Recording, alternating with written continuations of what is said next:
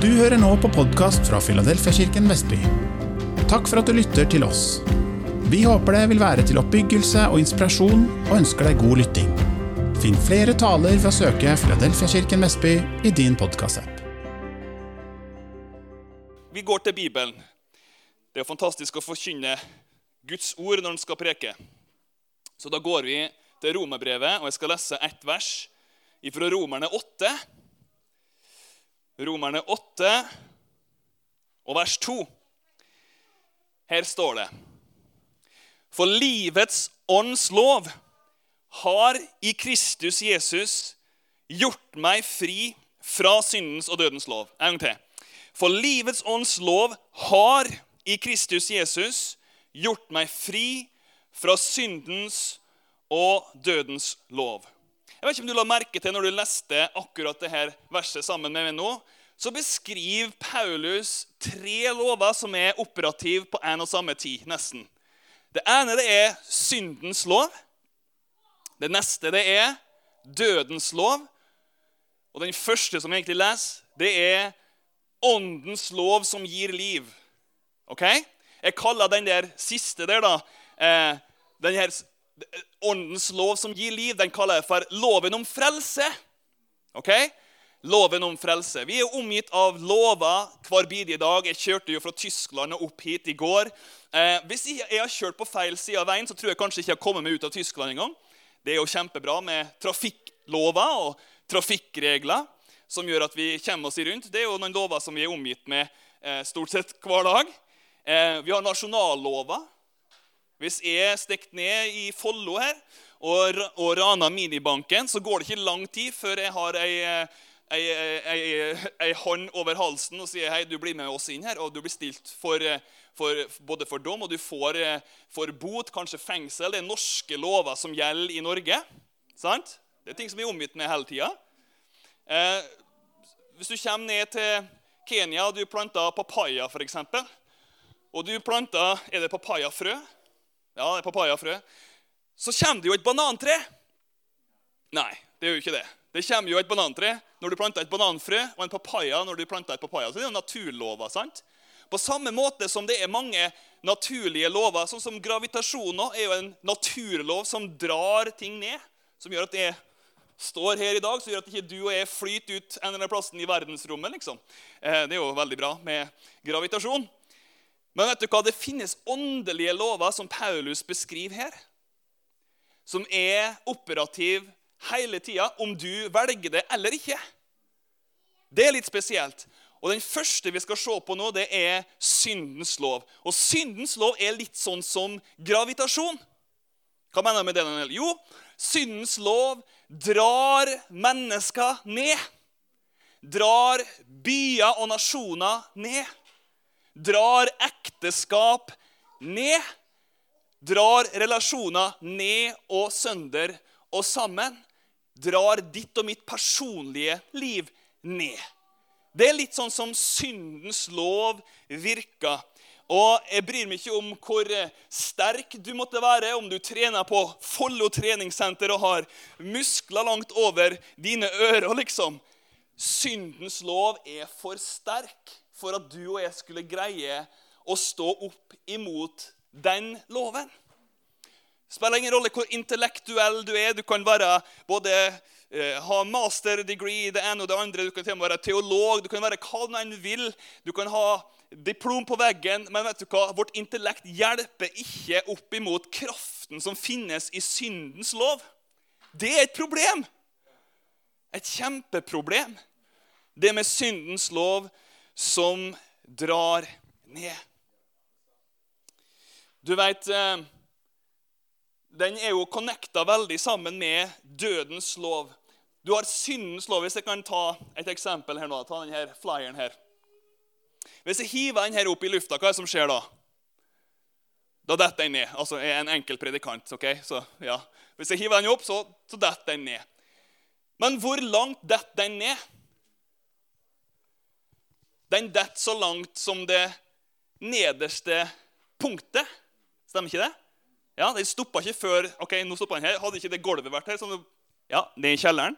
Altså Den fortsatte til det nederste punktet. sant? Og litt sånn er det med syndens og dødens lov. De jobber sammen. Syndens lov drar ned, men dødens lov det er det nederste punktet. Det er det Bibelen kaller fortapelsen. Bibelen sier bl.a. at syndens lønn er døden. Kanskje har du opplevd det og ser rundt og så tenker du at det, ja, det er jo så masse synd, liksom, men det er så lite konsekvenser. Jo, det er noen konsekvenser, men fullheten av den konsekvensen kommer ikke før den dagen vi står foran Gud. Det er derfor synd kan synes å være ganske eh, bra for ei tid. Kanskje smake veldig godt for ei tid. Kanskje fungerer veldig godt. Kanskje du snyter på skatten eller har noen fordeler av å eh, gjøre ting som en ikke skal gjøre. Men Bibelen er veldig klar og tydelig på at eh, en dag så vil eh, synda innhente oss. Det var jo et alvorlig budskap i dag, Daniel. Nei, det her blir bra etter hvert, så bare heng på. Det er viktig at vi forstår at de lovene her de er operative eh, stort sett hele, hele tida. Du, når jeg reiser til Afrika og ulike deler av Asia, så, så, så jeg bruke, bruker jeg ofte et sånt eksempel der jeg beskriver en, Det er faktisk en sann historie. Eh, du kan eh, søke tilbake i New York Times eh, av en person som ville bli en fallskjermhopper. De fleste her vet jo hva en fallskjermhopper er, men i Afrika så må jeg forklare hva en fallskjermhopper er. For de tenker nei, det er noe voldsomt. Ingen som hopper frivillig ut av et fly. Jeg har hørt noe så dumt. Så jeg må forklare hva en fallskjermhopper er. da. Men denne fallskjermhopperen han, eh, han ville starte med en ny hobby. Så han går til en eh, fallskjermskole. Og så lærer han seg på en måte teorien i det som har med fallskjermhopp. Han har en hopp, tandemhopp sammen med sin instruktør. Og så kommer dagen der han får sitt sertifikat på veggen. Og han er så happy. Og han stikker til fallskjermhopperbua for å kjøpe seg fallskjermhjelm og eh, drakt og kamera og briller. Og han gjør seg klar og gjør seg rede til å kunne ta sitt eget hopp sammen med sine venner. Og De går inn i flyet og de begynner å klatre oppover.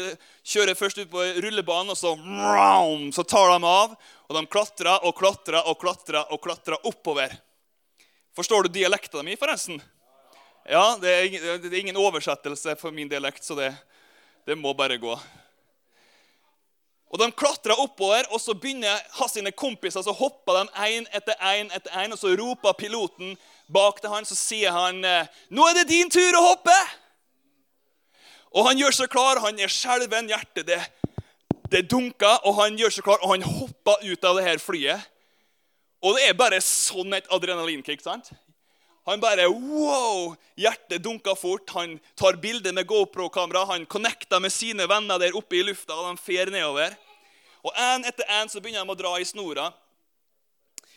For de begynner å komme i den høyda der de må trekke i snora for å utløse fallskjermen. Og da, når han er eh, unge mannen her skal til å dra i snora si, så finner han ut at han har glemt å ta på seg fallskjermen sin. Det er helt vilt. Det er sann historie. Og han smasha i bakkene som et uh, insekt på vindusruta når du kjører på hovedbanen. I bakken. Han hadde glemt å ta på fallskjermen. Bibelen beskriver Jesus på den måten at vi må ikle oss Jesus. Vi må ta på oss Jesus. Det er han som er løsninga i forhold til å bryte makten og kraften, om du vil, i syndens og dødens lov. Det er han som har evne til å gjøre det. Det klarer ikke vi sjøl, det kan vi ikke studere oss til, det kan vi ikke oppføre oss til, det kan vi ikke holde oss etter håret ved. Vet du hva? Det kristne livet er ikke for dem som har en veldig sterk karakter. Det kristne livet er for den som ikke får det til, som ikke har alt i orden, men som innser sin avhengighet av Jesus. Hvorfor detter ikke den brosjyra her ned?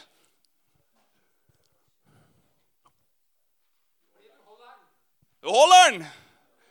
Du heller den, sant? Jeg heller den i hånda mi. Det som er så fantastisk Når Jesus kommer, så lever han det livet du og ikke greide å leve. Han dør den død som du og jeg fortjener. Han tar på seg om du vil, syndens og dødens lov på seg sjøl, og så bryter han syndens og dødens makt over ditt og mitt liv.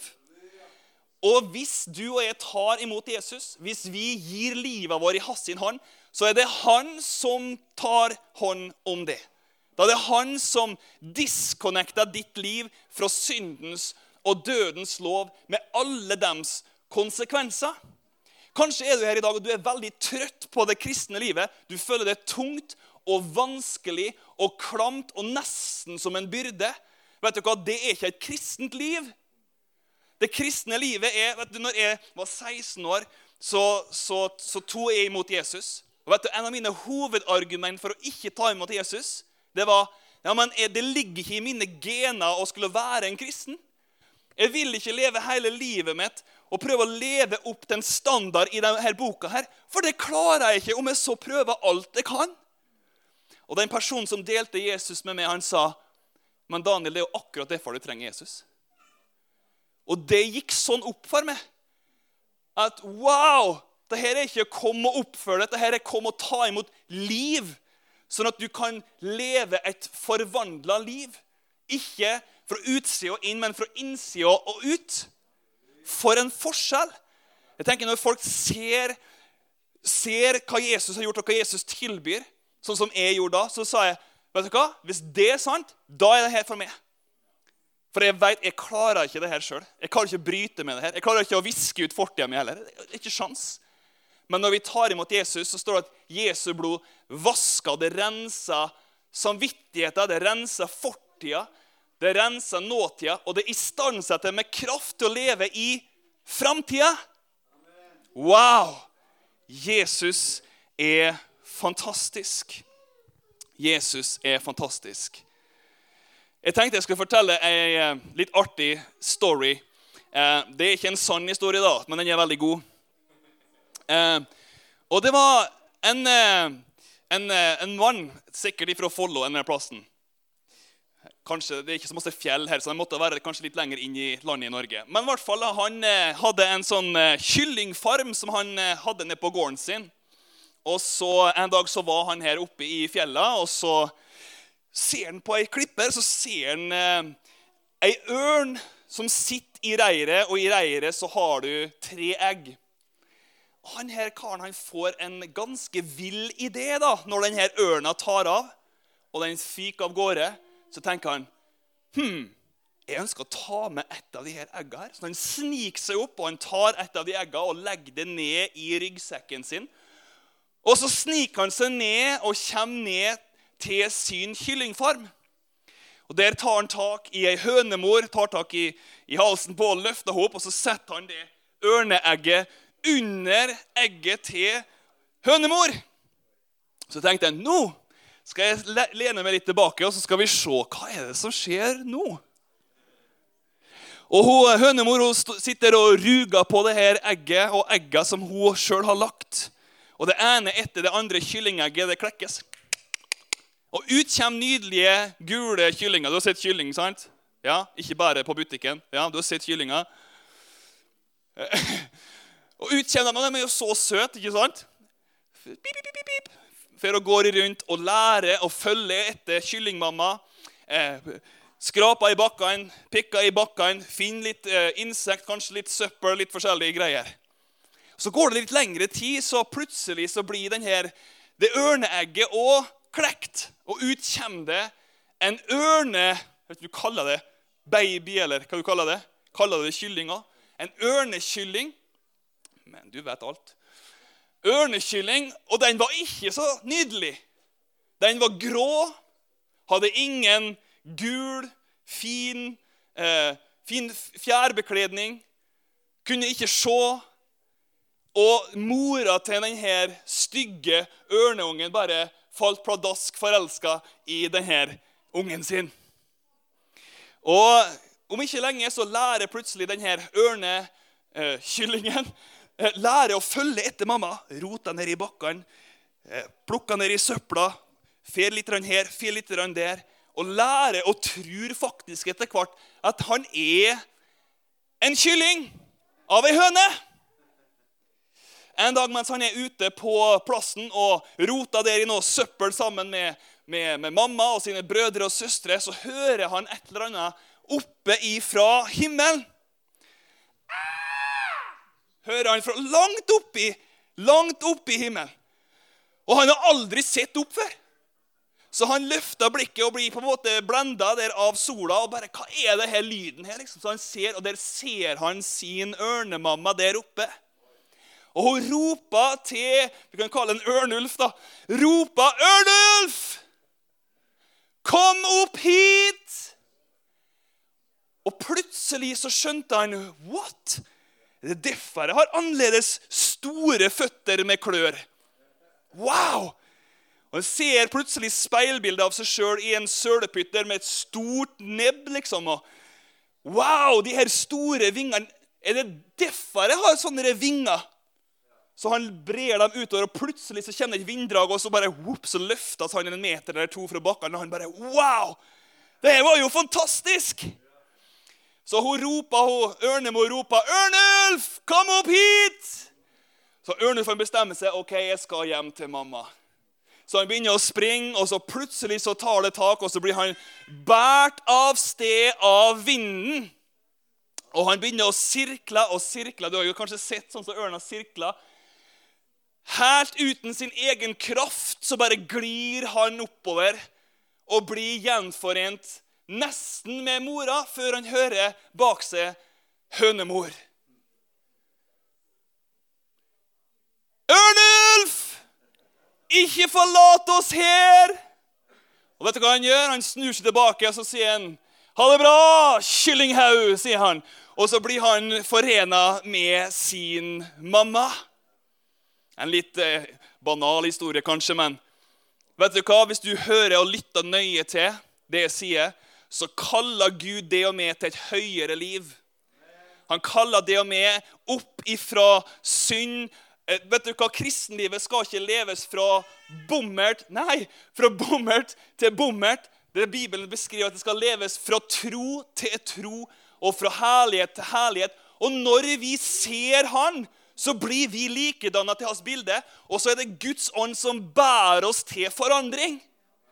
Det er forskjellen på et religiøst kristenliv som bare er det i navnet, det vi prøver å leve et kristenliv, men når vi gir livet vårt til Jesus, så er det han som gjør det. Det er det Bibelen kaller frelse. Er du nysgjerrig på Jesus og har lyst til å lære mer? Da er du hjertelig velkommen hos oss i et varmt og inkluderende fellesskap. For møteoversikt, aktiviteter og mye mer, se filadelfiavestby.no.